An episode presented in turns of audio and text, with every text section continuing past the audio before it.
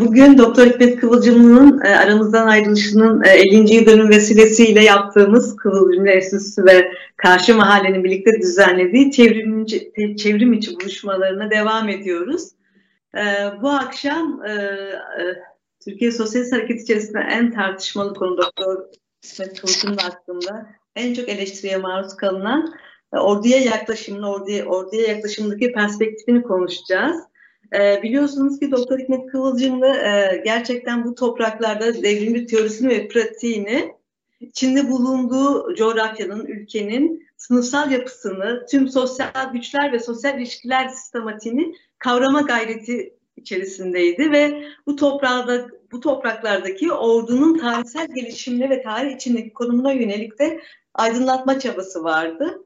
Ee, özellikle e, darbeler e, tarihi içerisindeki e, Doktor Hikmet Kıvılcım'ın yaklaşımına dair çok büyük tartışmalar var ve bu tartışmalar e, açısından aslında çok önemli bir e, polemik e, içerisine gireceğiz bu akşam. E, e, sevgili Metin Kayaoğlu, Teori ve Politik Dergisi'nin hem editörü hem yazarı. E, kendisinin e, bu uçtaki tartışmalardaki bir yaklaş, yaklaşımına yönelik ilk olarak değerlendirmelerini alacağız. Sevgili Mert Büyük Karabacak da e, Doktor Hikmet Kılıçlı'nın bu perspektifini açıklamaya çalışacak. E, bu açıdan ilk sözü ben sevgili Metin Kayaoğlu'na veriyorum. Buyurun Metin Hocam. Teşekkür ederim. Herkese selam ederim. E, Hikmet Kıvılcım'la ilgili bu etkinlik dizisinin e, çok önemli olduğuna kaniyim. Hikmet Kıvılcımlı'nın e, Salt Türkiye Sol Hareketi değil aslında genel olarak Türkiye düşünce düşünce iklimi bakımından çok önemli bir e, kişi olduğunu e, döne döne vurgulamamız ve bunu sağır, sağır kulaklara iletmemiz lazım. E, şimdi sözlerime önce arkadaşlar dün Peru'da ada hapishanesinde 29 yıllık tecritten sonra öldüğünü duyduğumuz Başkan Gonzalo Peru Partisi Aydınlık Yol'un lideri ve kurucusunun e, bu önemli komünisti saygıyla anıyorum. E, Hikmet Kıvılcım'la ilgili aslında ben e, ondan çok uzak hatta onu onu kötü anlamda e, doktor doktor diye kıvılcımlı diye deccal diye niteleyen bir bir akımdan geliyorum köken olarak. O akımın önemli kimselerinden birini 2019'da yitirdik. Ekim ayında. Kıvılcımlı'nın öldüğü ayda Garbis Altınoğlu. Garbis Altınoğlu arkadaşlar ölmeden önce e, son yaklaşık dört yılını Hikmet Kıvılcım üzerine bir çalışmayla geçirdi. Ve be, bereket ki Garbis Altınoğlu bu çalışmasını bitirebildi ve yayınlayabildi. Ben onun e, bir tür aslında Hikmet Kıvılcımlı'ya yaklaşım bakımından bir önemli e, Marksist e, yazara, düşünüre, politikacıya yaklaşım örneği bakımından e, epeyce farklı akımlardan gelen birinin yaklaşım örneği bakımından önemli olduğunu düşünüyorum. Garbi Saltınoğlu'nun kitabı bu. Şöyle galiba nasıl şey yapacağım bilmiyorum. Ha. Hikmet Kıvılcımlı'nın saptamaları ışığında Osmanlı ve Türkiye tarihine bakışlar büyük boy, sık aralıklı, tıkış tıkış tamamen yaklaşık 700 sayfa. Ee, Garbi Saltınoğlu'nu bilenler bilir. Gerçekten çok ciddi bir Marksisti. Hikmet Kıvılcımlı üzerine Hikmet Kıvılcımlı'nın anısına düzenlenen bir sempozyuma bildiri göndermeyle başladı. Garbis Altınoğlu'nun ilgisi. E, o bildirisine de bahsedeceğim. Fakat Garbis Altınoğlu şöyle yaptı. Hikmet Kıvılcımlı'yı okudukça onunla o sırada yazışıyordum da ne kadar az bildiğini kendisinin Hikmet Kıvılcımlı'nın ne kadar çok şey düşündüğünü, ne kadar çok şeye yöneldiğini, ne kadar önemli şeyler yazdığını tekrar tekrar yaz, yazdı Garbis Altınoğlu bu yıllar boyunca. Ve çok ilginç bir şeydi, paradoksal bir şeydi. Garbis Altınoğlu arkadaşlar yaklaşık 700 sayfada Hikmet Kıvılcımlı'yı eleştiriyor. Ve esasen katılmıyor. Fakat Garbi Saltınoğlu müthiş bir örnektir bence. Çok iyi bir yaklaşım örneğidir. Hikmet Kıvılcımlı'da katılmadığı yönler tek tek ampirik olarak binlerce şey, binlerce husus bulmasına rağmen e, ona saygısı aynı aynı derecede ters orantılı şekilde arttı. Çok önemli bir şey gibi geldi bu bana ve ben Hikmet Kıvılcımlı'nın e, dolaylı öğrencisi Garbis Altınoğlu'nun da dolaysız onu tanıma onuruna eriştim. Öğrencisi olarak e, bu dersi yansıtmak isterim sadece. E, Garbis Altınoğlu Hikmet Kıvılcımlı anıt eserinin epigrafında iki cümle kullanıyor. Biri Lenin'e ait, öteki Kıvılcımlı'nın kendisine ait. Lenin'e ait olan şu. Devlete ilişkin oportunist ön yargılara karşı bir savaşım yürütmeksizin emekçi yığınların genel olarak burjuvazinin ve özel olarak emperyalist burjuvazinin etkisinden kurtuluşu olanaksızdır. Bu arada e, teknik sorun var halledemediğimiz ama e, sesim düzgün geliyor mu? Ben şey yapamıyorum. Geliyor hocam. Peki. E, Lenin'i epigrafla bu sayfada Hikmet Kıvılcımlı'nın sözünü de hemen arka sayfada anıyor. Garbis Altınoğlu. Hikmet Kıvılcımlı şöyle diyor. Devlet sorunu üzerinde yanılsama küçümsenemez.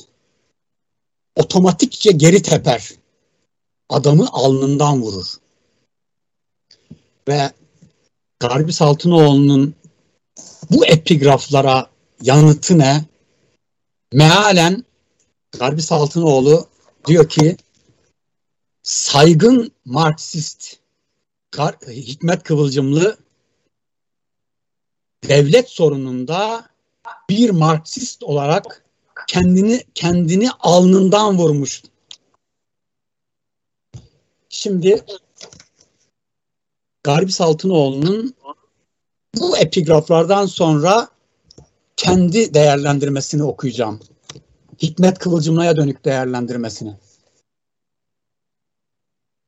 Kendisini komünist olarak tanımlayan bir insanın ya da örgütün ordu ve devlet sorununa ve aynı anlama gelmek üzere kendi burjuvazisine yaklaşımı onun bu iddiasının bu iddiasını test etmede her zaman belirleyici bir ağırlığa sahip olmuştur.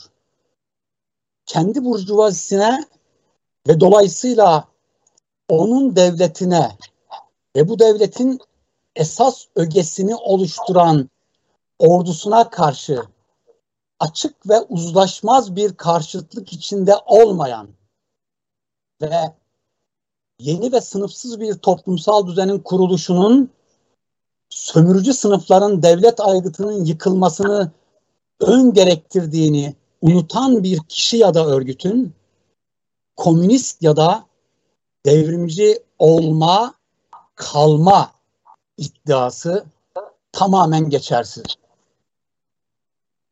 Çok ilginç. Garbi Saltınoğlu bu önermeyi yapıyor ve Kıvılcımlı'ya saygısından bence zerre eksiltmeksizin onun büyük bir Marksist özgürleştirme çabası. Yani Marksizmi bu topraklarda özgürleştirme çabasının ilk ve tek unsuru olduğunu unutmaksızın eleştiriyor ve eleştiriyor. Ben arkadaşlar hasbel kader Garbis Altınoğlu'nun eleştirisine katılıyorum. Ve Hikmet Kıvılcımlı'nın ordu ve devlet konusunda çok ağır hatalar içinde olduğunu düşünüyorum. Ama elbette Hikmet Kıvılcımlı'yla ilgim benim bu kadar değil. Hikmet Kıvılcımlı'yı ben bu akşam esasen eleş, eleştireceğim. Ama Hikmet Kıvılcımlı'yı Marksist edinim bakımından e, nasıl ele alacağımıza da e, muhtemelen birkaç sonraki oturumda e, yanıt vermeye çalışacağım.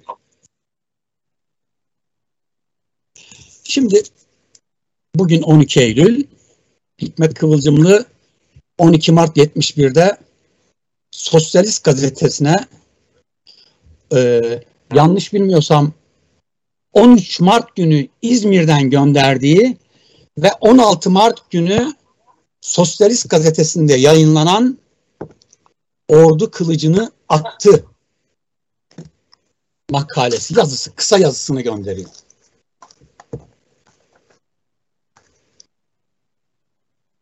Zaten etkinliğimizin başlığı o. Şimdi burada arkadaşlar ordu kılıcını attı da hiçbir yoruma tabi olmaksızın bence e, Hikmet Kıvılcımlı 12 Mart darbesini destekliyor. Darbecilerin bildirisini e, yorumluyor, kısa bildirilerini. Diyor ki darbeciler çağdaş uygarlıktan bahsediyorlar. Bugün çağdaş uygarlığın iki örneği var. Biri ölüm döşeğindeki emperyalist kapitalist uygarlık. Öteki her gün yükselip gelişen gürbüz sosyalist çağdaş uygarlık. Elbette ordu muhtırası Atatürkçü bir görüşle inkılap kanunlarını benimsediğine göre dökülen, çöken, tekelci kapitalist çağdaş uygarlığı peşin peşin reddetmiş olmalıdır. Mantık bunu gerektirir. Yani iki şey yapıyor Hikmet Kıvılcımlı. Bir, o gün olgulara bakarak sonuca varıyor. Sonra mantığına bakarak aynı sonuca varıyor. Ve Hikmet Kıvılcımlı 12 Mart darbesi ile ilgili 9 e, Martçıların e, bir şeyler yaptığına ilişkin yanıldığını düşünebileceğimiz hususu e, ortadan kaldıran işlemler de yapmaktan geri kalmıyor. İlerleyen aylarda Nisan'da o balyoz harekatından biliyorsunuz 12 Mart'ın ilk günleri çok fazla anlaşılmadı. Sonra Nisan'da balyoz harekatı var falan. Nisan'da Mayıs'ta Hikmet Kıvılcımlı 12 Mart'ta orduyu destekleyen tutumundan uzaklaşmıyor.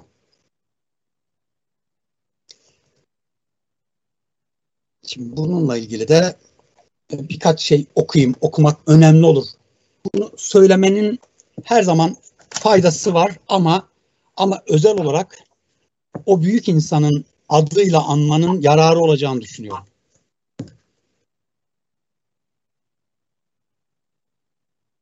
Şimdi gene 23 Mart'ta diyor ki 12 Mart yerli yabancı para babalarının kafalarına balyoz gibi indi.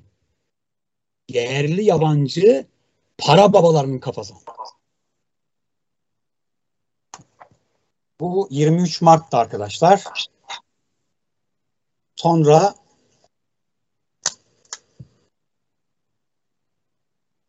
on üç Nisan'da 12 Mart muhtırası para babalarının gözlerinin içine baka baka radyodan okundu. Sonra günlük anılarında yani artık Mayıs ayına ilerleyeceğiz.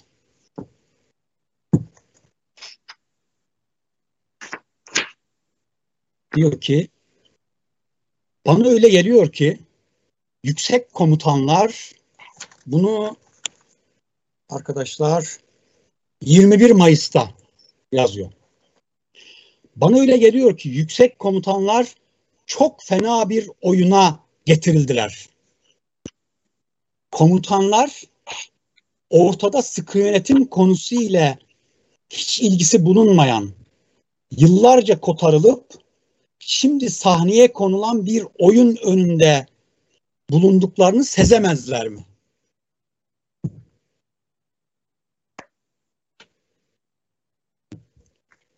Şimdi burada başka bir şey daha sapacağım. Gene aynı aynı gündeki notunda galiba diyor ki Kıvılcımlı ordunun geniş tarafsız yığını Kürtlük umacısıyla ürkütülerek vatan bölünüyor çığlığı altında faşizme çekilecek. Daha önce de mesela 1970'te büyük generaller ve amirallerin onu da onu da okuyayım iyi olur.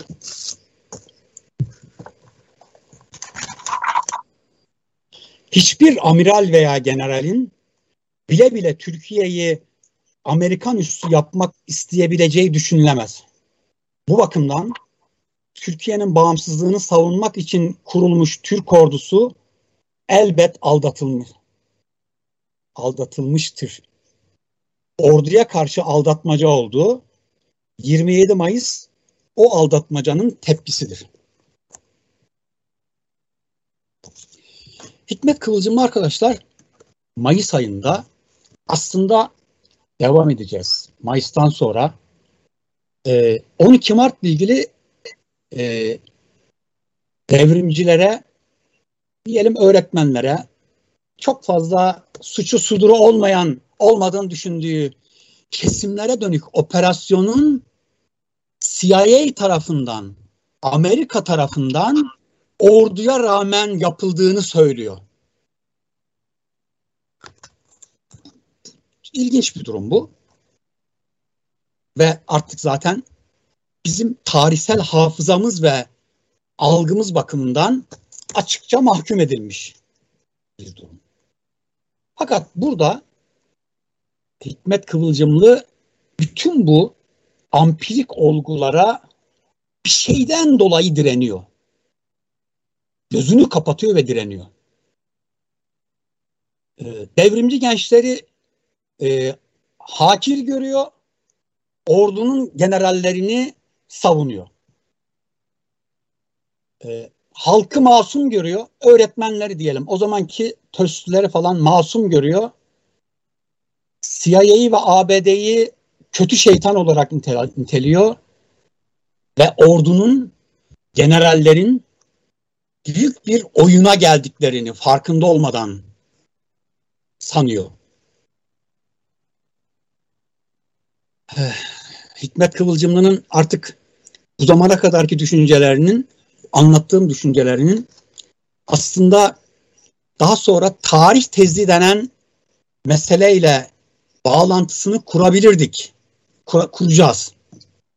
Fakat ondan önce aslında Türkiye'de tarih tezini benimsemesine gerekmeyen benimsemesi gerekmeyen affedersiniz ses yankılanıp duruyor kulağımda da rahatsız oluyorum. Türkiye Komünist Partisi de aslında benzer bir takım yaklaşımlar içerisindeydi. Örneğin Hikmet Kıvılcımlı e, Türkiye'den çıktığında Suriye'de Suriye makamlarına yazdığı bir yazıda e, Mustafa Kemal'in Kurtuluş Savaşı'ndan sonra sosyalist yola yönelebileceğini umduğunu fakat yönelmediği için kendisini hayal kırıklığına uğrattığını yazıyor. Suriye makamlarına. E, Suriye'ye de galiba Haziran'da Suriye'de. 71 Haziran'da. Aynı şey arkadaşlar Mustafa Kemal'in Kurtuluş Savaşı'ndan sonra sosyalizme yönele, yönelebileceğini zamanın TKP'si Şefik Hüsnüsü de yazıyor, söylüyor. Yani Şefik Hüsnü hiçbir zaman tarih tezi düşüncesini benimseme, benimseyen biri değil.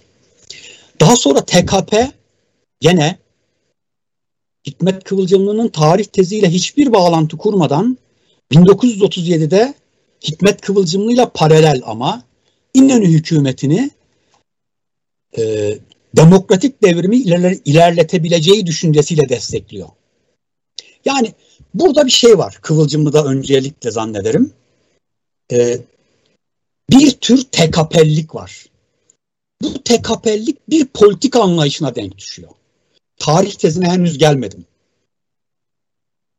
Bu genel olarak burjuvazinin bir kesiminde devrimcilik gören ve onun devrimciliğinin tarihsel görevlerinin yerine getirilmesini yerine getirilmesini beklemenin komünistler açısından asıl iş olduğunu düşünen bir komünizm anlayışının eseriydi. Bu konuda Hikmet Kıvılcımlı'nın TKP ile, tarihsel TKP ile esaslı bir farkı olmadığını söyleyebiliriz. Eğer e, nitekim ordu geliyorsa ordu gelmiştir, tarihsel TKP desteklemiştir. E, şeyi kapitalizmi ilerletebileceklerini düşündükleri, bu anlamda demokratik devrimi ilerletebileceklerini düşündükleri ordu olmayan başka bir kesim inisiyatif almışsa onu desteklemişlerdir. Diyelim 1950'de Demokrat Parti'yi. Sonra 27 Mayıs'ta e, askerleri. TKP de destekledi, Kıvılcım da destekledi. Buralarda bu boyutu önemli olarak vurgulamamız gerekiyor. Yani Kıvılcımlı'nın orduculuğu diye ifade edilen şeyle Kıvılcımlı'nın tarih tezi arasında bir ilişki var göreceğiz.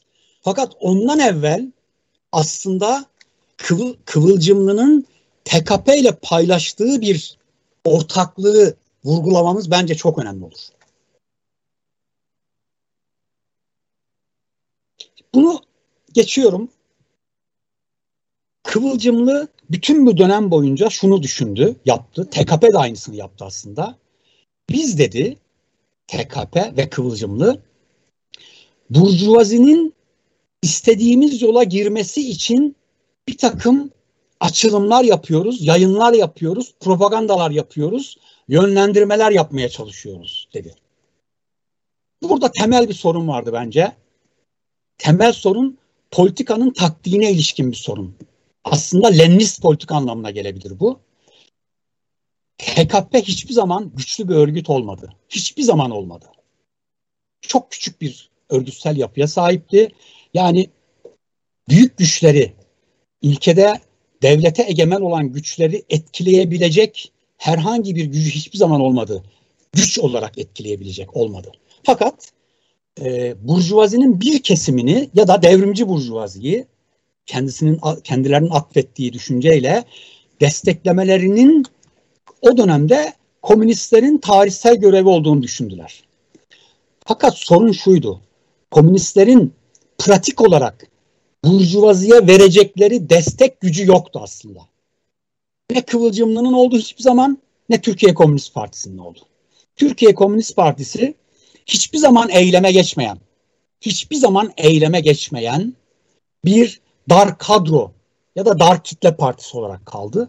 Hikmet Kıvılcımlı ise benim bildiğim kadarıyla 33'te hapisten çıktıktan sonra TKP'nin organlarında yer alamadan esasen tek başına büyük bir dirençle, dirayetle, azimle, enerjiyle fakat yanlış bir politik anlayışıyla faaliyet yürüttü. Yanlış politik anlayışı bana çok semptomatik gelir, şu ifadede bulunabilir. Gene Bulgaristan'a gittiğinde sürgün zamanında orada e, TKP'den atıldığı kendisine bildiriliyor. Ve şöyle yazıyor. Benim orduyla ilişkilendiğimi söylüyorlarmış.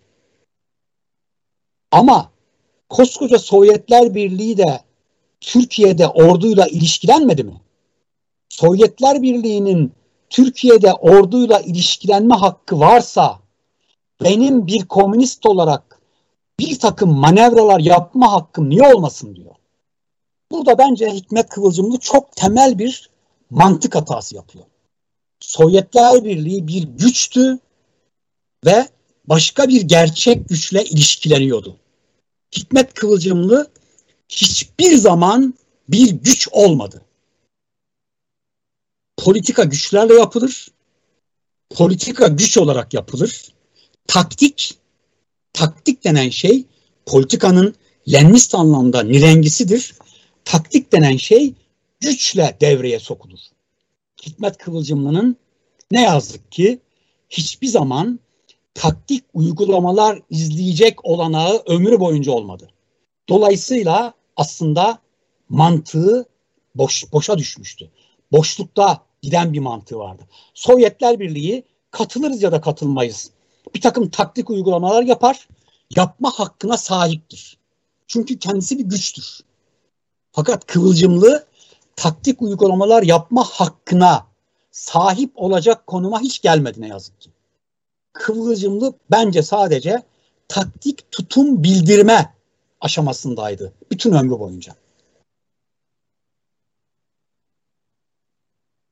Duyamadım. Bir şey mi dediniz?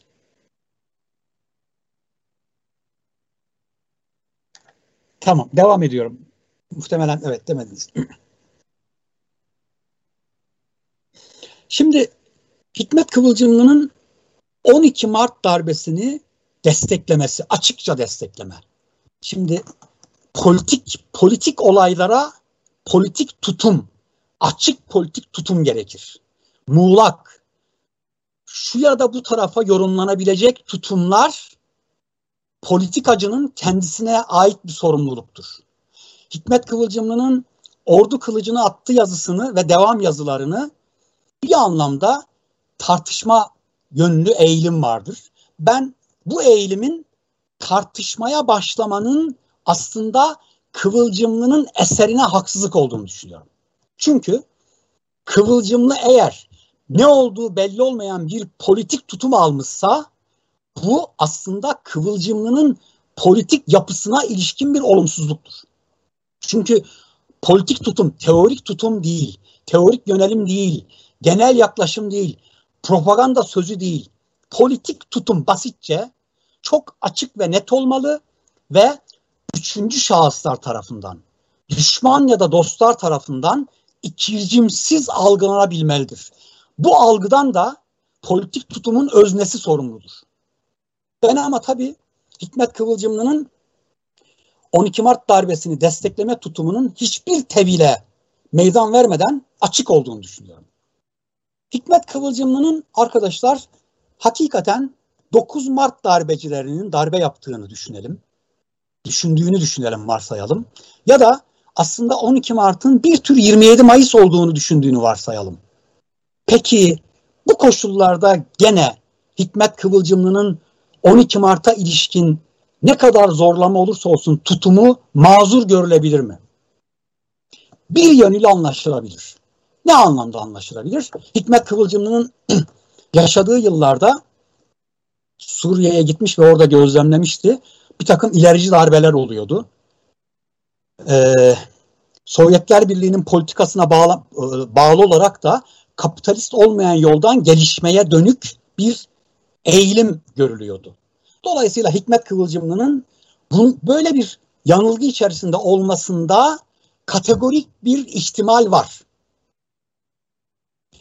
Peki ona rağmen varsayalım ki 12 Mart 27 Mayıs gibi ya da Suriye'deki, Irak'taki, Mısır'daki bağızçılar ve ilerici e, subayların hareketleri gibiydi. Hikmet Kıvılcımlı'nın onları 27 Mayıs'ta yaptığı gibi mi desteklemesi gerekirdi? Ya da hemen şeyi çekelim. 27 Mayıs'ta yaptığı Hikmet Kıvılcımlı'nın bir Marksistin tutumu olmak gerekir, olmak mı gerekirdi? Bence o konuda da problemli Hikmet Kıvılcımlı. 12 Mart ya da 27 Mayıs ilerici darbeler dahi olsa ki bence ilerici darbeler, askeri darbeler mümkündür. Böyle bir liberal, bütün kötülüklerin anasının ordu olduğuna ilişkin liberal anlayışı açıkça reddetmek gerektiğini düşünüyorum.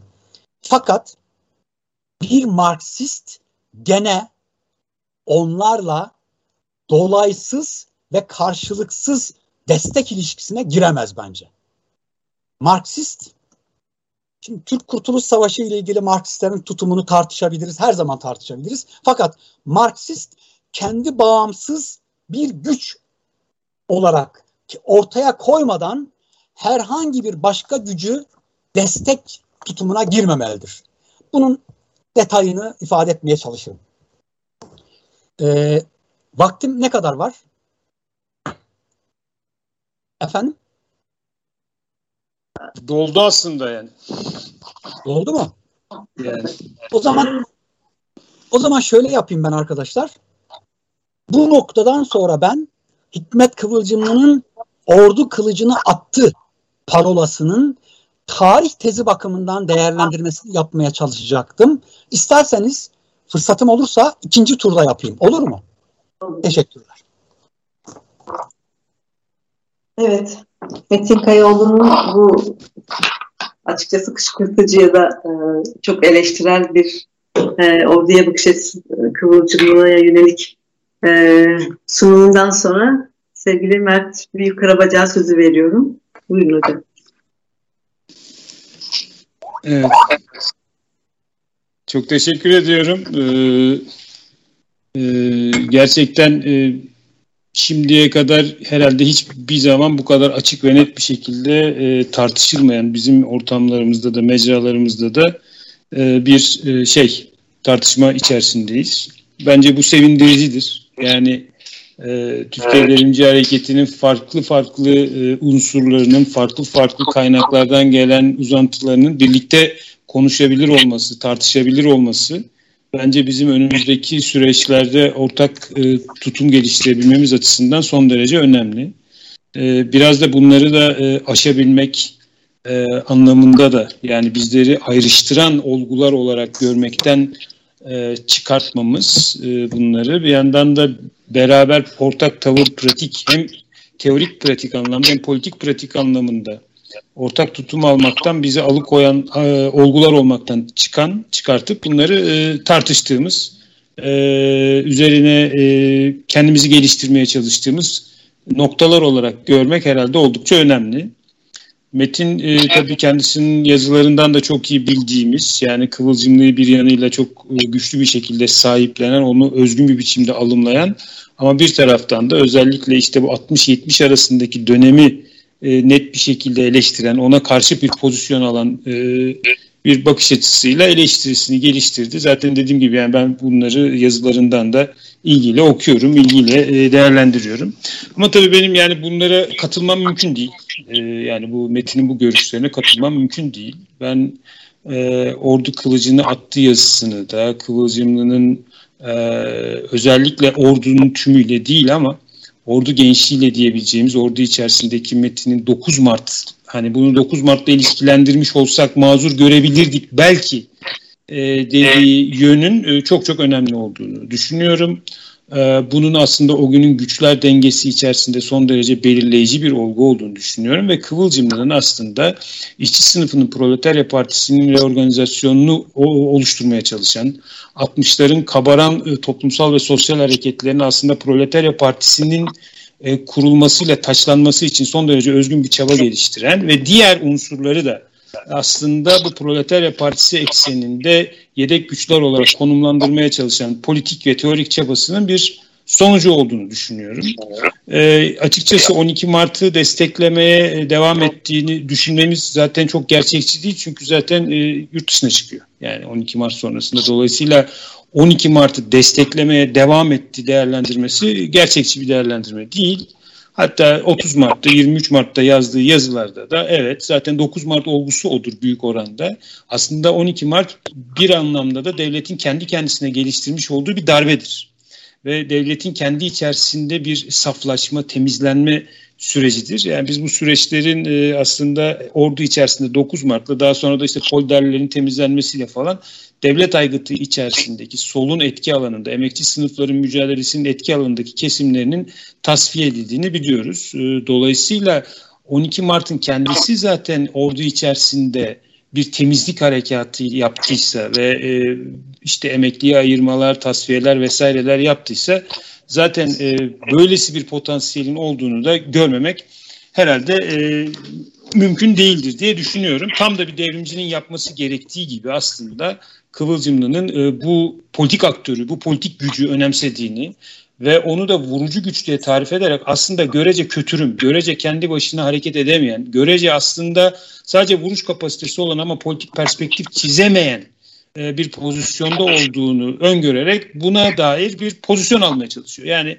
aslında gençlikle olan 71 e, gençliğiyle, devrimci gençliğiyle olan sorunu da bu. O 71 devrimci gençliğinin e, Proletarya Partisi'nin e, kuruluşu, örgütlenmesi sürecinde e, konumlanmasını, bunun içerisinde yer almasını, dolayısıyla halka gitmesini ve halkın örgütlenmesi noktasında bir pozisyon almasını ve bir e, birlik içerisinde bunu gerçekleştirmesini sağlamaya çalışıyor. Dolayısıyla işte fokoculuk vesaire gibi yani silahlı mücadelenin e, sembolik anlamı dışında aslında o dönemde çok somut bir etki yaratamayacak olan e, çıkışını bir proletarya partisinin kuruluşu imkanı karşısında aslında olumsuz bir seçenek olarak görüyor.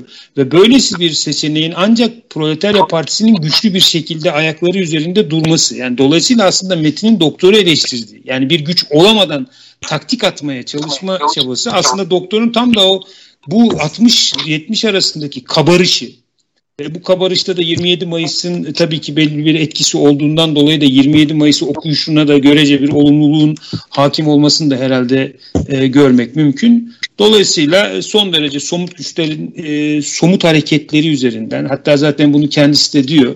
Yani madem böyle bir şey hayatta vardır o zaman bu teoride de mutlaka karşılığını bulacaktır e, diye bunu da konumlandırıyor. Dolayısıyla ben aslında tam da gerçekliğin kendisinden hareket eden bir devrimci olduğu için de büyük oranda e, etkili olduğunu düşündüğüm mirasının Kıvılcımlı'nın e, bu politik çizgisinde e, esaslı bir yanlış açıkçası görmüyorum. Şimdi e, bu yazılardan gidersek aslında evet yani Ordu Kılıcı'nın attı yazısı tam da dendiği gibi 13 Mart'ta yazılmış bir yazı. İzmir'den yazılmış, apar toparda yazılmış bir yazı. Daha muhtıranın bir gün sonrasında yazılmış bir soru ve aslında yapmaya çalıştığı o dönemki güçlere muhtemelen e, biraz da e, moral vermek anlamında bu hareketin e, muhtemelen e, ordu içerisinde solun aslında o dönemde devrimci gençlik hareketleriyle de bağlantısı olan kimi unsurları tarafından geliştirilen bir hareket olduğuna dair bir intiba e, yaratmaya çalışıyor ama zaten e, bakalım görelim diyor yani. Hani yazıda net bir buna verilmiş olan bir destek yok. Açıkçası iki seçenekten bahsediliyor. Yani bu seçeneklerin hangi yöne akacağını görmeden herhangi bir destekleme de yok. Böyle bir imkanın olduğunu, böyle bir olasılığın olduğundan bahsediyor. Mesela 30 Mart'ta yazdığı bir yazı var. Bu yazıda e, şunu söylüyor vurucu güç diye. Özgüç sırasında işçi sınıfı yanına proletarya aydınları diye özel bir bölük devrimci koyduk diyor e, Halk Savaşı'nın planlarında. Türkiye'deki bu kesimin aslında işte ordu içerisindeki e, unsurlar olduğu açıktır diyor. Ben de açıkçası şuna çok katılmıyorum. Yani e, Metin o şeyi de anlatacağım dedi de yani e, bilmiyorum. Yani o bana birazcık tartışmalı geliyor. Yani bu ordu içerisindeki meselenin çok Türkiye'ye özgü, çok böyle tarih teziyle falan açıklanabilecek. Yok işte genç Osman'dan bu yana başlayan bir böyle hani ordu içerisindeki ilericilik falan hani böyle bir onun dirlikçilikten gelen, o ilklerden gelen falan bir gelenek olduğu düşüncesinde değilim. Tam tersine bunun küresel ölçekte gözlemlenen bir olgu olduğunu düşünüyorum. Aslında zaten ben biraz da e, hani 9 Mart olsaydı ne olurdu dendiğinde e, 1974 Portekiz'deki karanfil devriminin benzeri gelişmelere yol açabilecek bir süreç olabilirdi diye düşünüyorum. Dolayısıyla biz tabii bu e, metnin de referans verdiği 2000'li yılların e, biraz da 90 sonrasının bu biraz da sivil toplumcu ve yani işte böyle askeri vesayet ortadan kalkınca işte her şey güllük gülistanlık olacak diye böyle solun belli kesimlerine de hakim olan düşünce yapısının da biraz da etkisiyle yani ordu, asker falan gibi tartışmalara böyle bir üç kere besmele çekerek yaklaşıldığı için yani tabii bir de 12 Eylül'ün bugün işte yıl dönümü aslında 12 Eylül'ün katlettiği devrimcileri anarak da ben sözlerime başlamak istiyordum ama tartışmanın sıcaklığından dolayı biraz da apar topar girmek zorunda kaldım. Ee, gerçekten de o etkiyle e, orduyla ilgili tartışmalarda tabii daha da dokunulmaz bir sıcaklık kazandığı konunun aşikar. Ama her dönemi biraz da kendi içerisinde anakronizme düşmeden değerlendirmek gerektiğinde 60-70 arası dönemde Türkiye'de ilerici güçlerle yani ordu arasındaki e, sıcak karşılıklı bakışların bir gerçeklik olduğunu herhalde görmemek e, ve böylesi bir gerçekliği de politik tablonun içerisinde değerlendirmemek, bunu da aslında devletin belli bir katını, de, burjuvazinin bir kanadını desteklemek olarak görmek e, bence çok gerçekçi değil. Çünkü aslında e, dediğim gibi yani 12 Mart'ın kendisi zaten biraz da devletin kendisine karşı gerçekleştirdiği 12 Eylül'ü hazırlamak üzere gerçekleştirdiği bir darbe gibi görünüyor bana. E, ve e, ben bu olgunun sadece Türkiye'ye özgü bir olgu olduğunu düşünmüyorum. Metin'in de referans verdiği gibi işte bağışçılık vesaire işte Nasır hareketleri dünyanın dört bir yanında gözlemleniyor. Tabi buralar biraz daha Orta Doğu ekseninde toplumsal güçlerin görece daha sınırlı katkı sunduğu hareketler ama ben mesela Portekiz devrimini yani 1974-26 Nisan'ında gerçekleşen Portekiz devriminin 74-76 sürecinin incelenmesinin aslında Türkiye'de doktorun kafayı taktığı potansiyelin ne kadar sahici bir potansiyel olduğunu göstermesi açısından incelenmesi gerektiğini düşünüyorum. Biz, biz kafamızda bir takım aksiyonlarla hareket ediyoruz. Yani bu aksiyonlar işte işte devrimcilik temel e, ana şeyi altında bir takım genel doğrular üzerinden yürüyor ama genel doğrular üzerinden yürümek de bence bizim e, metinin Kıvılcım'la özelinde referans verdi. Ama aslında hepimizin de kısmen içinde sıkışmış olduğumuz güçsüzlük süreçlere taktiksel anlamda müdahale edebilecek bir kapasite geliştirememe zaafımızın da temel bir kaynağı olduğunu yani bu e, kendi kafasının içerisinde yaşayan aktörler olarak, kişiler ve unsurlar olarak e, toplumsal e, gelişmelere müdahale etme kapasitemizi sınırlayan önemli bir zafiyetimiz olduğunu düşünüyorum ve Kıvılcımlı'nın dolayısıyla 60-70 arasında geliştirmeye çalıştığı taktiğin yani yol otokritiğinin yanında hani ikincil, tali ama biraz da çok fazla görünmezleştiren kimi doktorcular tarafından da bir tutum olmaktan bir yana aslında tam da özgün anlamda e, var olan politik güçler içerisindeki bir rabıtayı inşa etmek ve bunu da bir proletarya partisinin ekseninde yapma konusunda çok önemli bir hamle olduğunu düşünüyorum. Şimdi bu e, dolayısıyla ben de metine e, sadece şu konuda belki katıyorum. Gerçi şey dinlemedim yani tarih tezi konusundaki söylemini dinlemedim ama yani e, böyle, böyle bir bağlantı olmadığını düşünüyorum. Tam tersine bunun çok küresel ölçekte kapitalizmin gelişmesiyle birlikte yaşanan küresel ölçekte bir olgu olduğunu düşünüyorum. Türkiye'de e, hiçbir darbesi sonrasında Fethi Gürcanların, Talat Aydemirlerin e, yaşadığı sürecin de aslında e, bunun işaretlerini taşıdığını ve 9 Mart'ın da gerçekten böylesi bir potansiyele yani ilerici bir askeri darbe yani biraz e, oksimoron gibi gözüküyor bizim Türkiye siyasi tarihi açısından bakıldığında ama böylesi bir e, hamle olabileceğini düşünüyorum ve bunun bir örneğinin de, de tekrar tekrar söylüyorum 1974 Portekiz karanfil devrimi olduğunu o döneme kadar yeteri kadar örgütlenmemiş bir işçi sınıfının bu e, Salazar'ın arkasından iktidara gelen hükümetin devrilmesi sonrasında nasıl inanılmaz bir e, güçle e, ortaya çıktığını, nasıl konseyler kurduğunu, ekonominin yüzde 60'ını nasıl kamulaştırdığını ama o dönemdeki e, komünist aktörlerin bir devrim yapma perspektifinde olmayışının e, biraz da sonucu olarak aslında ortaya çıkan bu büyük olanan değerlendirilemeyişini e, biz biraz da oradan tartışmalıyız. Yani bence ordu kılıcını attı meselesini Portekiz devriminin arka planına koyup tartışmalıyız. Böyle yani soyut bir takım kavramlar ekseninde değil. Yani ben Kıvılcımlı'nın zaten devletin bir kanadını desteklemiş olmak falan gibi özellikle o işte demokrasi sorunu üzerine yazdığı yani İn, İnönü'ye bir destek falan verilmemiştir. Yani sonuçta şudur yani kapitalizmin e, işçi sınıfının içinde ya da çelişkilerin içinde en iyi, en hızlı gelişebileceği biçim işte parlamenterizm derken Lenin e, bir parlamenter, burjuva parlamenterizm derken parlamenterizmi desteklemediği gibi. Yani İnönü'nün e, temsil ettiği gidişatın Türkiye'de kapitalizmin gelişimini hızlandıracağını, dolayısıyla da işte bunun e, e işçi sınıfının gelişimini ve güçlenmesini kolaylaştıracağını söyleyen bir yazının aslında İnönü'ye verilmiş bir politik destek olarak okunmasının hiç anlamlı olmadığını düşünüyorum.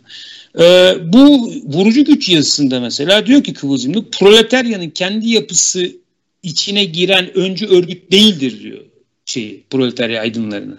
Yani orada bir proletarya partisi var. Bu proletarya partisi inşa olacak ve bu proletarya partisinin bir yedek gücü olarak proletarya aydınlarından bahsediyor ama özellikle de şunun altını çiziyor. Proletaryanın kendi yapısı içine giren bir öncü örgüt değildir. Dolayısıyla sınıfın bağımsız politik örgütlenmesini, kendi otonom örgütlenmesini önceleyen, esas alan bir politik çizgi var karşımızda. Ee, buradan biraz devam edeyim bu yazılar meselesine. İşte 12 Mart'ta kuvvet komutanlarının muhtıra girişiminin başlıca rolü radikal subaylar tarafından oynanmıştı. Ama daha sonrasında bu hızlıca aslında enterle edildi diyor. Finans kapital oyunlarıyla yurtsever subaylar arasında kıyasıya bir mücadele olduğundan bahsediyor. E, tasfiye edilen subayların komünist darbeye hazırlanmasıyla suçlandığını söylüyor. Bunları söylediği yazıda herhalde e, 23 Mart ya da 30 Mart tarihli olması lazım. Şimdi burada mesela Türkiye'yi kim yönetir diye bir yazıda yine aslında şeyi çok net bir şekilde görmüş gibi e, bunun artık e, bir şey olduğunu, e, 9 Martçıların aslında boşa düşürülmesine yol açan bir hamle olduğunu görmek, e, görüyor bunu. Ve e, mesela diyor ki 9-10 Mart günleri yaşanan patlama Gürler ve Paş, Batur Paşalar eliyle kontrol edilince AKP aman AP iktidarına son Türk devletinin yok olmaması için son şans verilmesini isteyen Tamaç Paşa öne düştü. Sunay Paşa'nın istifasından vazgeçildi. Muhtırayla Sırp orduda devrimci kanadı oyalayıp vakit kazanılmak ve hareketi bastırmak planlanmış. 18 Mart'ta müdahale edenlerin lideri rolüne giren bu paşa bütün konuşulanları tape alarak bantları tepeye götürmüş. Yani muhbirlik yapmış. Bunlar açıklandı diyor. Dolayısıyla orada aslında e, bir güçler mücadelesi olduğunu görüyor ve bundan bahsediyor. Öyleyse bu oyun aynı Talat Aydemir olayı gibi bir provokasyon tertibidir diyor. Maksat ordunun devrimci gençliğini temizlemek için hazırlıksız davranışlara kışkırtmaktır. İçlerinde devrimci maskeyle sokulup asıl devrimcileri e, aldatmaktır. Asker siyasete karışmasın meselelerine falan da ondan sonra itiraz ediyor. Yani doktorun aslında daha Mart içerisinde e, hatta şurada şey yazısında e, yanılmıyorsam bu reform meselesiyle ilgili bir yazı var.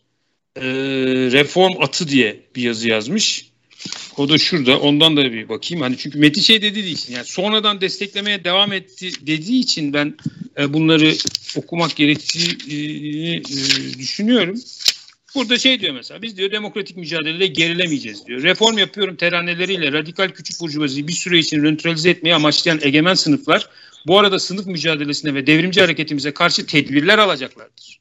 30 Mart 1971 anarşiyi önlüyoruz, huzuru getiriyoruz diyerek sosyalist mücadeleye karşı adım adım ve yeni baskı usulleri uygulayacaklardır.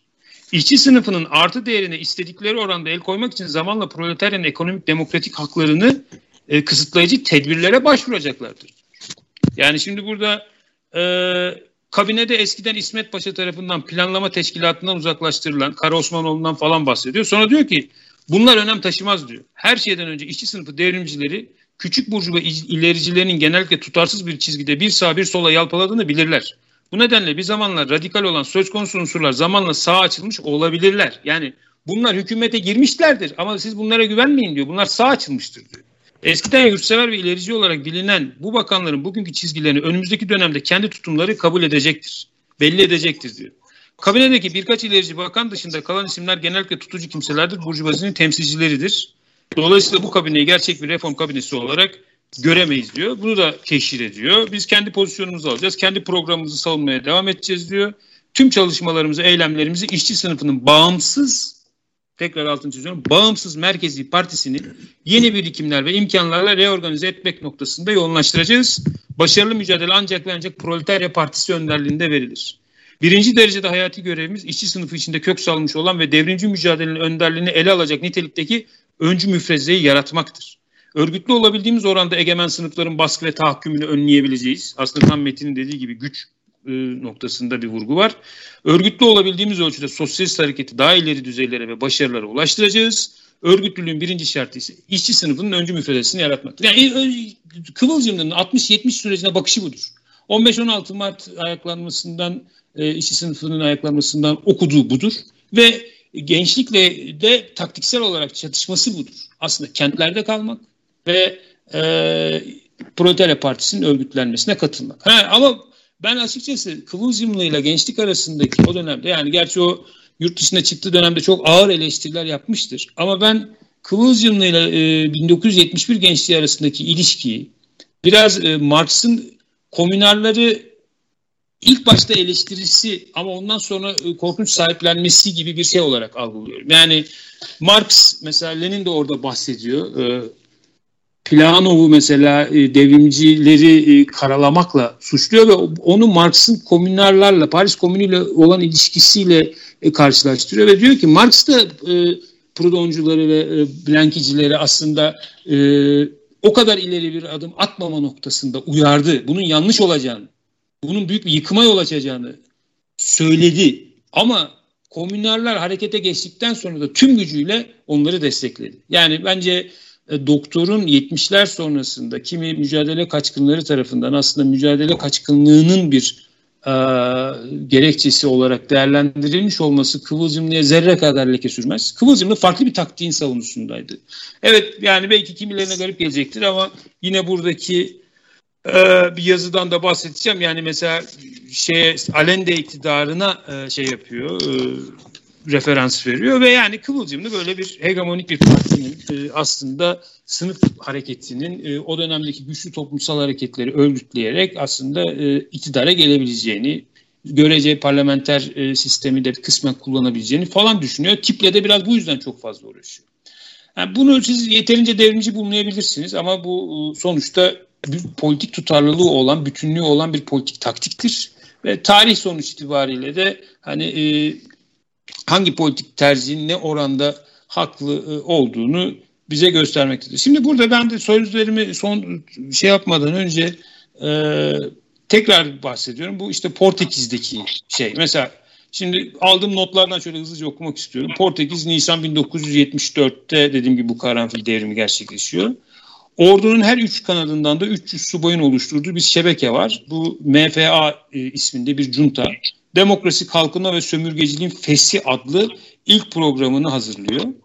Ee, MFA'nın ancak birkaç tanesi sosyalist. Yani MFA içindeki unsurların birkaç tanesi sosyalist. Ee, ülkeyi de kendi başlarına yönetmek gibi bir perspektife de çok da e, sahip değiller. Aslında tam da doktorun dediği vurucu güç. Yani yıkayım ama benim yani sonuç itibariyle çok yönetme perspektifim de yok diyor. Şimdi e, şöyle bir şey var, anlatı var. E, askeri birlikler üzerimize doğru geliyordu. Peki ne olacaktı? Ellerini havaya kaldırıp zafer işareti yaptılar. Kalabalıktan o güne dek hiç duymadığım sevinç çığlıkları yükseldi. Kitlelerin öfkeyle bağırdığını daha önce de görmüştüm. Ancak bu neşeydi, katıksız neşe. MFA halkla birlikte halk da MFA sloganı kitleler arasında derhal müthiş kabul gördü. Darbe çok kısa bir sürede halkın enerjisi ve arzularının üzerindeki perdenin kalkmasını sağladı. Yani bunlar yani Portekiz'de yaşanmış şeyler. Lizbon'un kenar mahallelerindeki yeni bir toplu konut projesini halk işgal etti. Takip eden iki haftada ülke genelinde 2000'den fazla ev işgal edildi. E, ee, MFA sonradan devrim motorunun kendisinin olduğunu iddia ettiğini dile getirecekti. Oysa darbe izleyen günlerde son derece ihtiyatlı bir tutum izlediler. Gerçek itici güç işçi hareketi. Ve gerçekten de aslında iki sınıfı hareketi ee, biraz da iktidarın e, eski Salazar iktidarının devamının devrilmesi sonrasında büyük bir hızla büyüyor. Aslında biraz tırnak içinde yani böyle 27 tabii 27 Mayıs bugünden bakınca bambaşka e, politik bir hikayenin e, şey olarak da parçası olarak da okuyabiliriz ama o günlerin içerisinden geçerken 27 Mayıs'ın sonuç itibariyle işçi sınıfın örgütlenmesi, gençlik hareketinin yükselişi, sosyalist partilerin kurulabildiği bir dönem olarak aslında farklı bir başlangıç olarak okunmuş olabilmesini, okunabilmiş olmasında da ben açıkçası çok çok büyük bir anormallik görmüyorum. Böylesi bir gerçekliğin var olamayacağını düşünmek için de bizim birazcık bu liberal e, işte dediğim gibi yani askeri vesayet e, vesaire işte ufuk urasları da bugün böyle birileriyle yan yana olmaya götüren bir e, politik şeyin izin e, birazcık e, izleyi olarak açıkçası düşünüyorum. 1974 Mayıs'ının sonuna gelindiğinde, Nisan'dan Mayıs'ın sonuna gelindiğinde Lisbon bölgesindeki hemen her iş yerinde işçi kurulları, konseyleri ve komiteleri oluşturulmuştu artık. Tüm üyeleriyle 4000 işçi kurulu e, vesaire kuruluyor ve güçlü biraz yani güçlü diyemeyiz ama bir Portekiz Komünist Partisi de var. Ama Portekiz Komünist Partisi bizde aynı e, Mihribeliler gibi biraz. Mihri abiyi de buradan saygıyla anıyorum. E, kendisini eleştiriyor gibi olmak benim açımdan üzücü ama yani e, şey MDD çizgisinde hani bize sosyalizm bugün çok büyük lüks, sosyalizmi biz savunamayız diyen ya da Kemalizmle sosyalizm arasında aslında çok büyük bir sınır olmadığını düşünen bir e, politik e, gelenekten geliyor Portekiz Komünist Partisi de. Dolayısıyla o krizi aslında bir iktidar olanağı, iktidara alma olanağı olarak değerlendirmiyor. Ve bu iktidarın alınmayışı da uzun ama ama şöyle süreçler var yani. Hani aynı e, Şubat e, Kasım döneminde olduğu gibi Ekim devriminde yaşandığı gibi devlet toparlanmaya çalışıyor. Kendisini toparlamaya çalışıyor. Kornilov darbesi gibi darbe girişimleri var ama bu darbe girişimleri işçi sınıfı örgütlülüğü tarafından püskürtülüyor Portekiz'de. Şimdi peki biz e, bu Portekiz olayını nasıl açıklayacağız? Yani Metin'in ortaya koymuş olduğu çerçeveyle.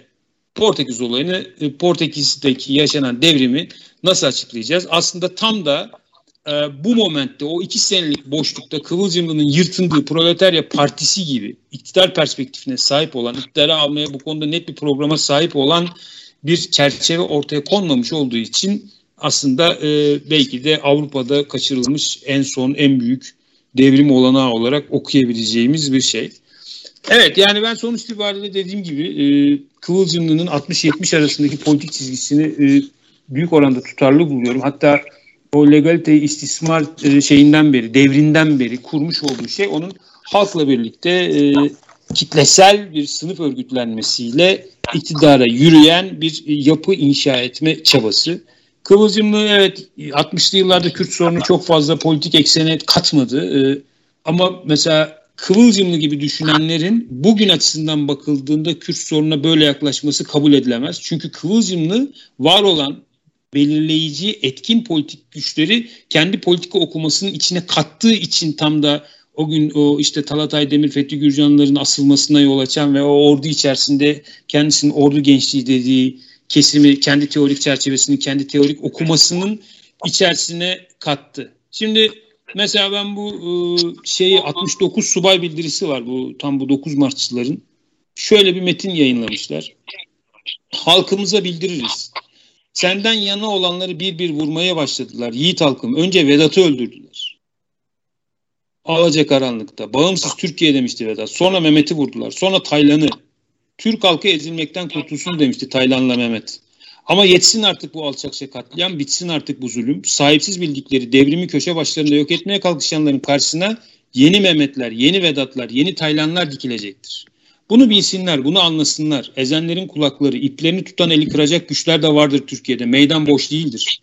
Tüfeklerimizdeki mermi, mermilerimizdeki barut, yüreklerimizdeki ateş yeter size yüzden fazla genç deniz subayını imzaladı 69 subay bildirisi. Şimdi e, herhalde e, bunları desteklediği için Kıvılcımlı ya da bunlarla bir e, ortak bir e, zemin yakalamaya çalıştığı için Kıvılcımlı devletin bir kanadını destekliyor diye değerlendirilemez. 1968 e, Samuel Huntington'ın yazmış olduğu bu Political Order in e, Changing Societies diye bir kitap var.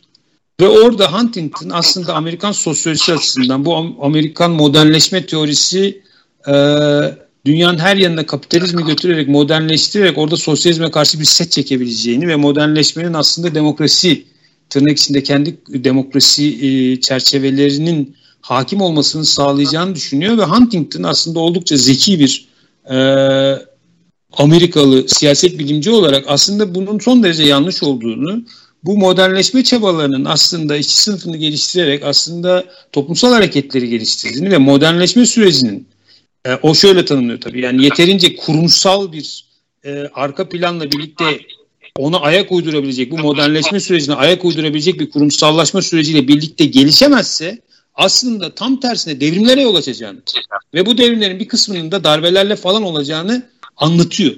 Ee, ve e, şey diyor yani hani bizim bu aşırı katılıma yol veren yani biraz böyle hani bu tırnak içinde burjuva demokrasisini geliştirelim diye yaptığımız işler aslında başımıza iş açıyor bunu toparlayalım diyor. Bu tam aslında şeyin söylediği faik türünlerin falan o dönemde meşhur olmuş.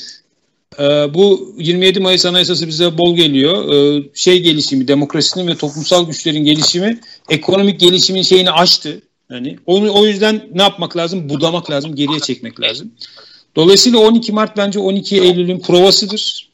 Devlet açısından aslında hem kontrgerillanın orduya tam anlamıyla hakim olmasını sağlayan bir operasyonun bir şeyidir. Ee, burada e, bu tabii Faruk Gürler ve Muhsin Batur ikilisinin oynadığı özel bir rol vardır. Mahir Kaynağ'ın oynadığı özel bir rol vardır. Ee, biraz bunu politikanın en genel doğrularını bir yana bırakarak o dönemin tarihinin içerisinden okuyarak ve dünyadaki benzer deneyimleri de değerlendirerek bence bakmak gerekir. Dediğim gibi ben de hani Kıvılcımlı'ya böyle her şey doğrudur diyerek yaklaşmanın Kıvılcımlı'ya da bir haksızlık olacağını düşünüyorum. Kendisi zaten mükemmel olanı ölü olarak görürdü. Benim burada tek dediğim gibi eleştiri yani bu bu eğilimi yani ordu içerisindeki bu eğilimi bir tür e, şey olarak görmesi. Yani böyle ilklerle, dillikçilikle falan izah etmeye kalkması o dönemde dünyanın dört bir yanında gözlemlenen bir şeydi. Zaten hani bunu görmek için de Kıvılcımlı gibi bir insanın Suriye'ye gitmesine de gerek bile e, yoktu. Zaten dünyadaki bütün gelişmeleri çok yakından takip eden bir insan olduğunu biliyoruz. O yüzden e, yani şu anda sözlerimi burada toparlıyorum ama yani bu tartışmayı yürütebilmiş olmaktan dolayı da e, büyük bir mutluluk içerisinde olduğumu, böyle farklı farklı bakış açılarının e, tartışılabildiği ortamları yaratabildiğimiz için de e, yani e, çok mutlu olduğumu söyleyerek sözlerimi bitireyim. Teşekkür ediyorum.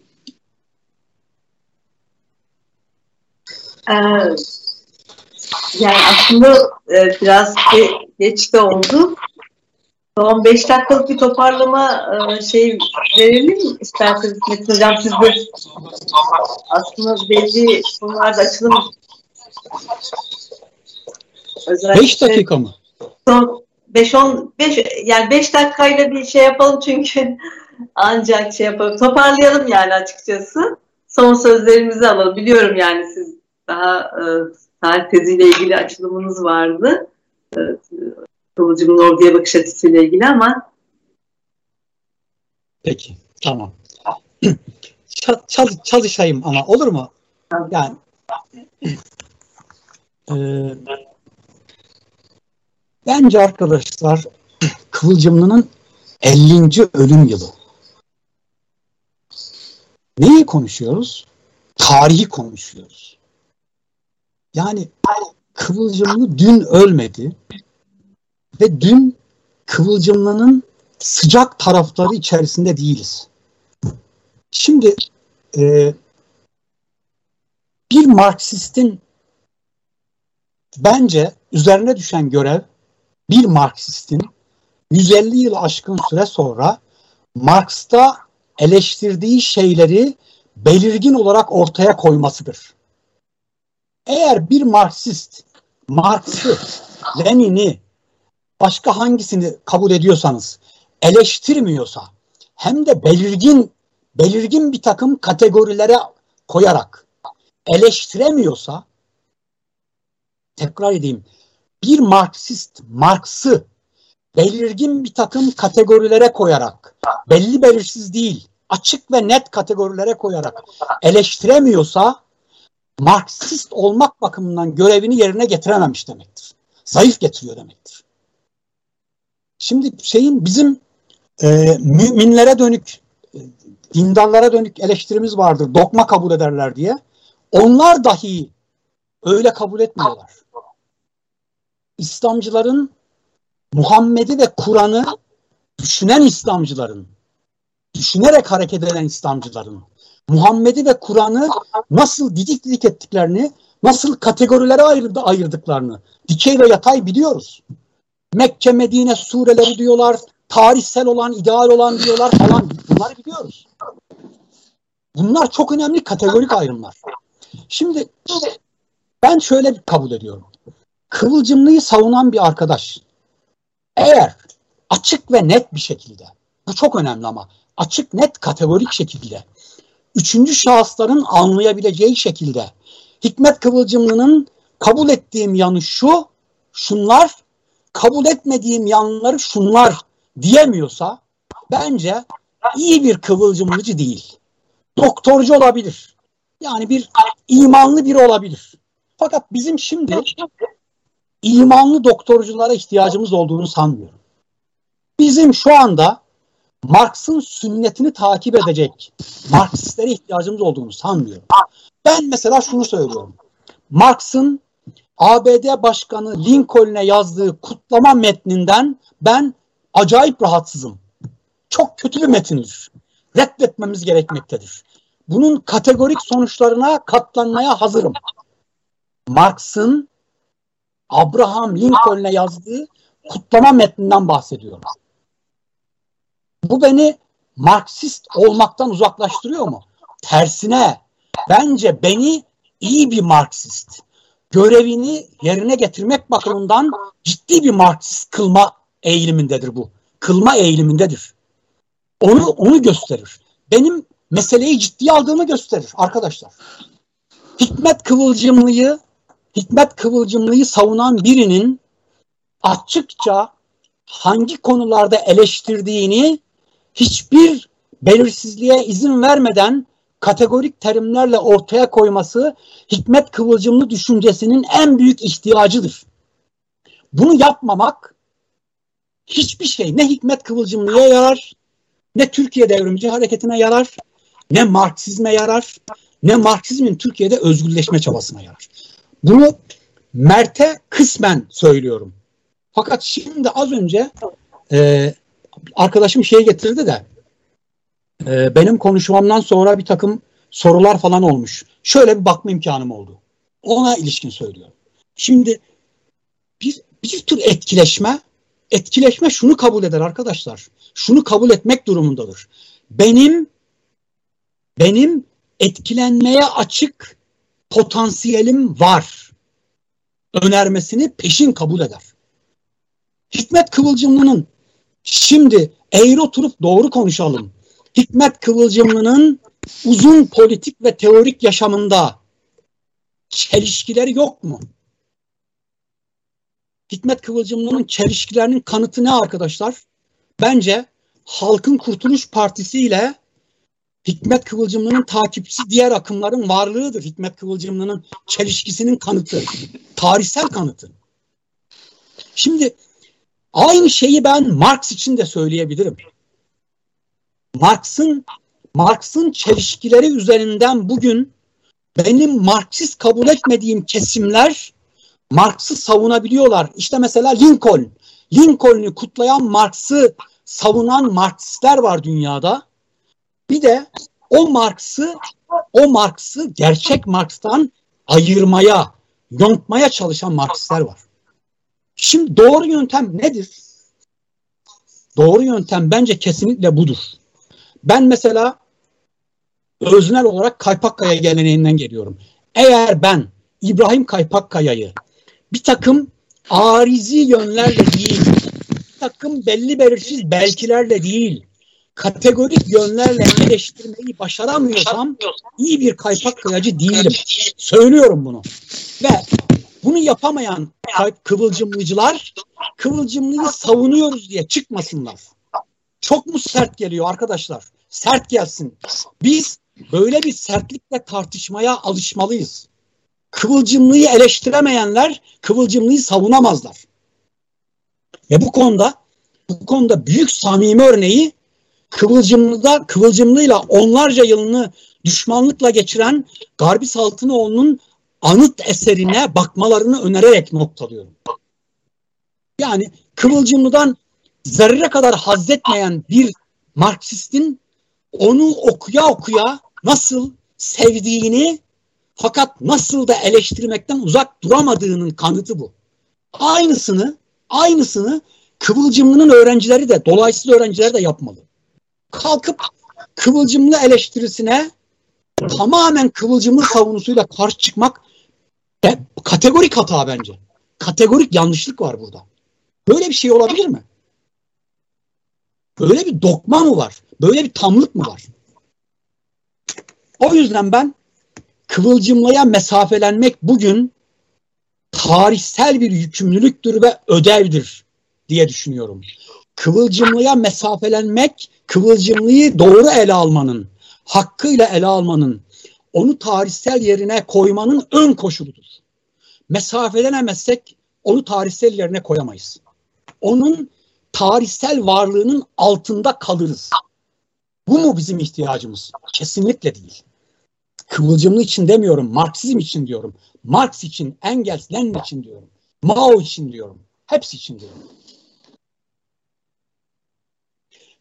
Şimdi e, Mert'in vurguladığı tarih tezine tarih tezi kısmına geleceğim. Lütfen tarih tezi ilgili 3-5 cümle etmeme e, müsaade edin sonunda. Fakat birkaç şeyi söylemeden çok iyi olmaz diye düşünüyorum. Bir de bir şey söyleyeyim. Ağzımdan çıkan kıvılcımlığa ilişkin hiçbir sözün hiçbir sözün kafamdan uydurma olmadığından emin olun. Vak vakit varsa soranlara vakit varsa bütün eserlerinden yanıtlar vereyim. Vakit varsa. Hiçbirini Kıvılcımlı'nın dilini biliriz. Hiçbirini işkembeyi kübramdan atmıyorum. Boş boş konuşuyor demiş de biri. Öyle onun için söylüyorum. Olmaz böyle bir şey. Şimdi arkadaşlar Hikmet Kıvılcımlı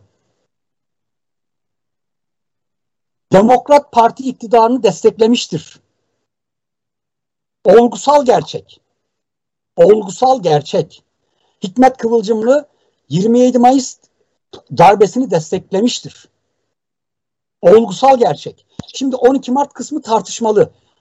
Bunu şunun için tartışmalı diyorum. Bitmediği için. Hikmet Kıvılcımlı bence çok açık desteklediği. Hikmet Kıvılcımlı Hikmet Kıvılcımlı sancılanıyor.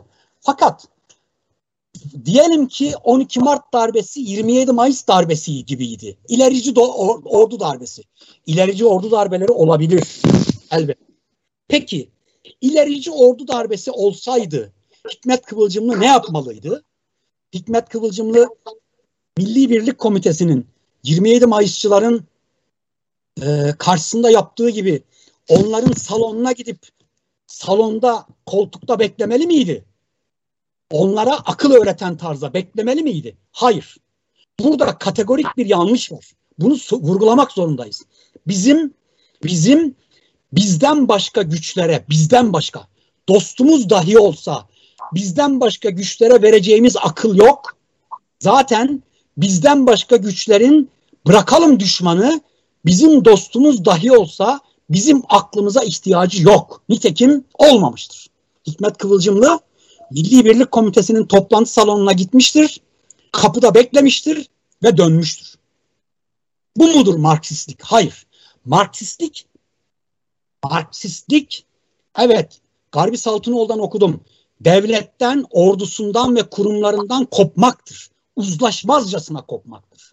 Fakat onların devletli olmadığını söylüyorsanız önemlidir. Dost dahi olsa, dost güçler dahi olsa benim dışındaki güçlere ben ancak kendi gücümle ilişkilen, ilişkilenmek üzere bağlan, yönelebilirim. Kendi gücümle.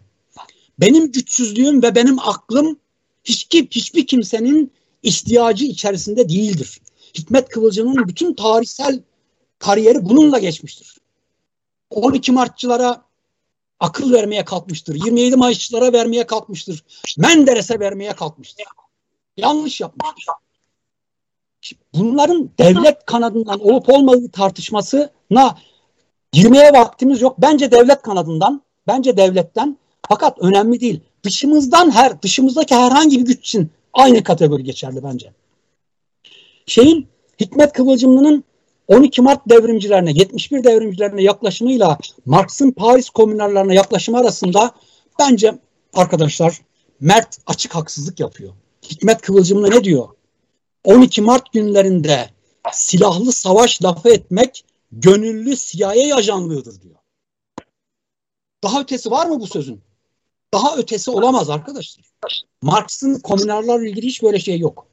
Marx komünarlara komünarlara silahı az kullanıyorsunuz diyor. Hikmet Kıvılcımlı silah lafı ed- ettiğiniz için CIA ajanısınız diyor. Böyle bir şey olur mu? Yani eleştirel olalım, hakkaniyetli olalım diye düşünüyorum. Evet, Birçok şeyi tartışabiliriz arkadaşlar. Bırakıyorum ben. Ee, tarih teziyle ilgili 3-5 cümle etmeye çalışacağım ve kapatacağım.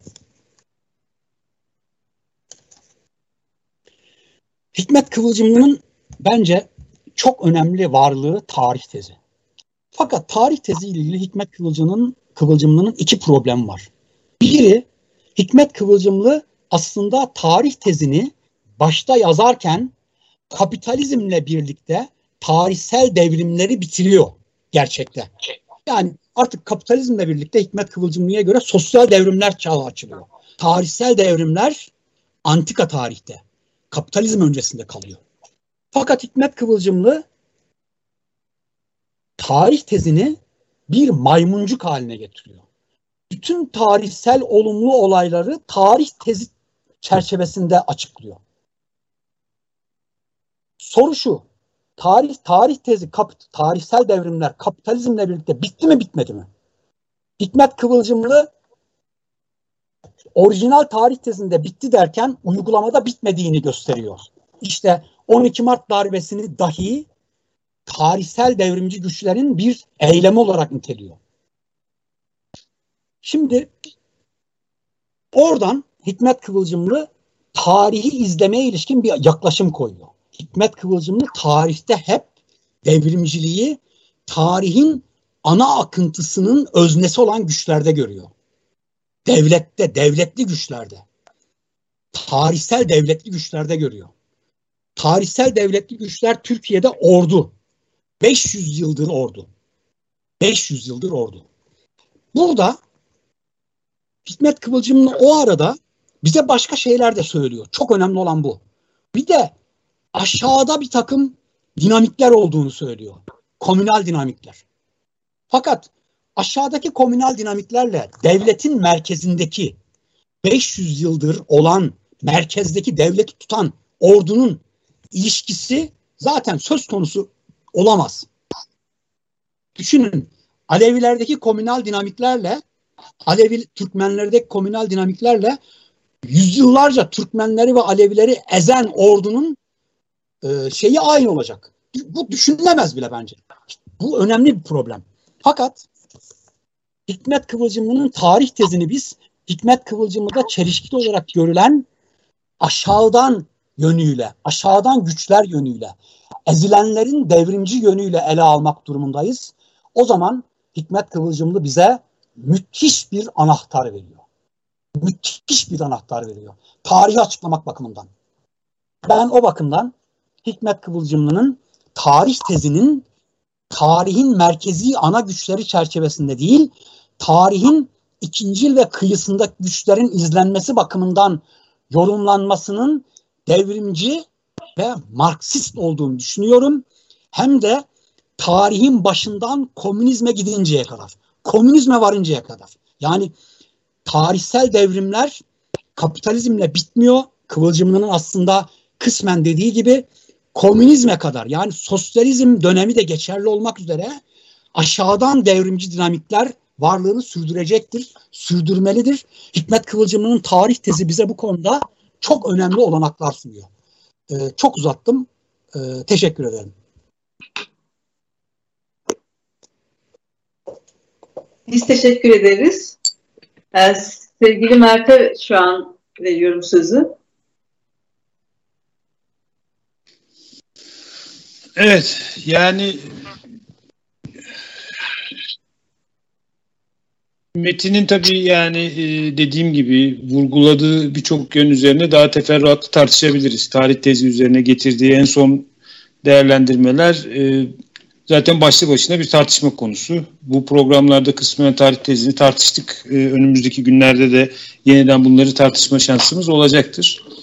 Ama yani bir eleştirme baskısı altında da değerlendirmemek gerektiğini düşünüyorum. Ben açıkçası burada biraz da Kıvılcımlı'nın e, mesela Metin'in başka bir devrimci için kullandığı bir sözü ben daha önceki bir programda kullandım. Yani teorinin kendisini bile zaman zaman taktiğin aracı olarak kullanmak.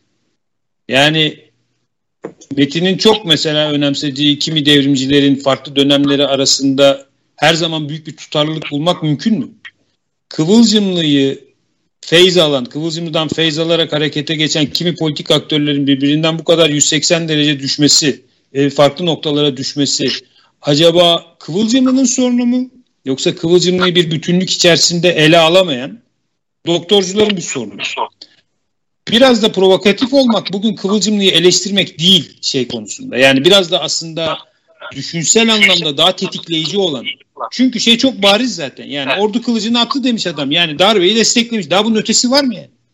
Burada esas tetikleyici olan şey tam da bunu sahiplenmek ve bunun arkasındaki taktiksel akıl üzerine düşünmeye çalışmak ve biraz da bazen zaman zaman skolastisizme çevrilen doktorun da bu skolastisizm diye e, zaman zaman eleştirdiği bu e, sosyalist dogmatizme ya da bir tür Sorelci böyle bir tür mistifiye edilmiş bir devrimcilik meselesi içerisinde taktiği görünmez kılmaya dair bir e, şeye karşı bir tutum. Yani Kıvılcım'da biraz da böylesi bir şey var, bir boyut var ve bu boyutu da aslında görünür hale getirmeye çalışmamız lazım. Yani Kıvılcım'ı ayağım çamura değmemiş. Ben zaten 20-30 sene cezaevinde yatmışım.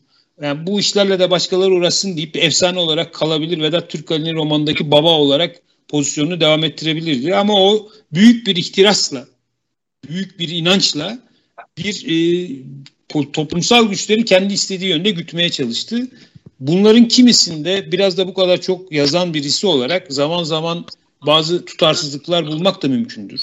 Ben de söylüyorum yani ben mesela Kıvılcım'ın eğer biraz daha sa sakin bir şekilde düşünebileceği hele de geri dönüş alabileceği bir zihinsel, entelektüel ortamda olsaydı ordu meselesindeki o ilericilik diye atfettiği, gördüğü şeyin aslında Türkiye'ye özgü bir olgu olmadığını, bunun ilklerle vesairelerle hiç alakalı olmadığını, aslında bunun bizim seviyemizde kapitalizmin az gelişmiş olduğu birçok ülkede gözlemlenen bir olgu olduğunu, toplumsal sınıflar adına hareket etmeye, onların önünü açmaya dönük hamleler yapmaya çalışan bir entelektüel aydın sınıfının ordu içerisinde kısmen bir karşılığını bulduğunu fark eder ve görür ve bunu böyle de konumlandırırdı. Ama Kıvılcım'da bir bu anlamıyla da e, çok fazla e, genel politik eleştiriler dışında teorik eleştiriler e, almış bir kişi hiçbir zaman da olmadı. O yüzden bizim bugün aslında bunları tartışmayı başarabiliyor olmamız bence çok kıymetli ve önemli olan. Yani e, bir sürü e, dediğim gibi kendi politik pozisyonunu daha doğru göstermek için, biraz tribünlere oynamak için bir takım varyasyonlar yapılabilir. Ben de yapabilirim şu anda. Ama ben de bu, hakkımdan imtina ediyorum. Yani bence önemli olan, kıymetli olan bugün farklı farklı bakış açılarının doktoru, doktorun 50. yıl dönümünde tartışabilmesi ve onu birlikte anabilmesi, onun mirasından birlikte yararlanabilmesi. Bu anlamıyla gerçekten Garbis Altınoğlu'nun ortaya koyduğu bu eser bence çok heyecan verici. Zaten teori politikada da bunları okumuştum. Diyerek e, tekrar bütün bu Kıvılcım Enstitü Derneği'nin bu çabasına e, teşekkürlerimi sunarak Fatma arkadaşımıza da e, sabrı ve yönetme, modere etme konusundaki başarısından dolayı teşekkür ederek Metin'e de çok teşekkür ederek e, sözlerime son veriyorum. Sağ olun. Ben de her iki konuşmacımıza e, teşekkür ederek programı kapatıyorum şimdilik. E, teşekkür ederim. Sağ olun. İyi akşamlar. Size sağ olun. İyi akşamlar, sevgiler.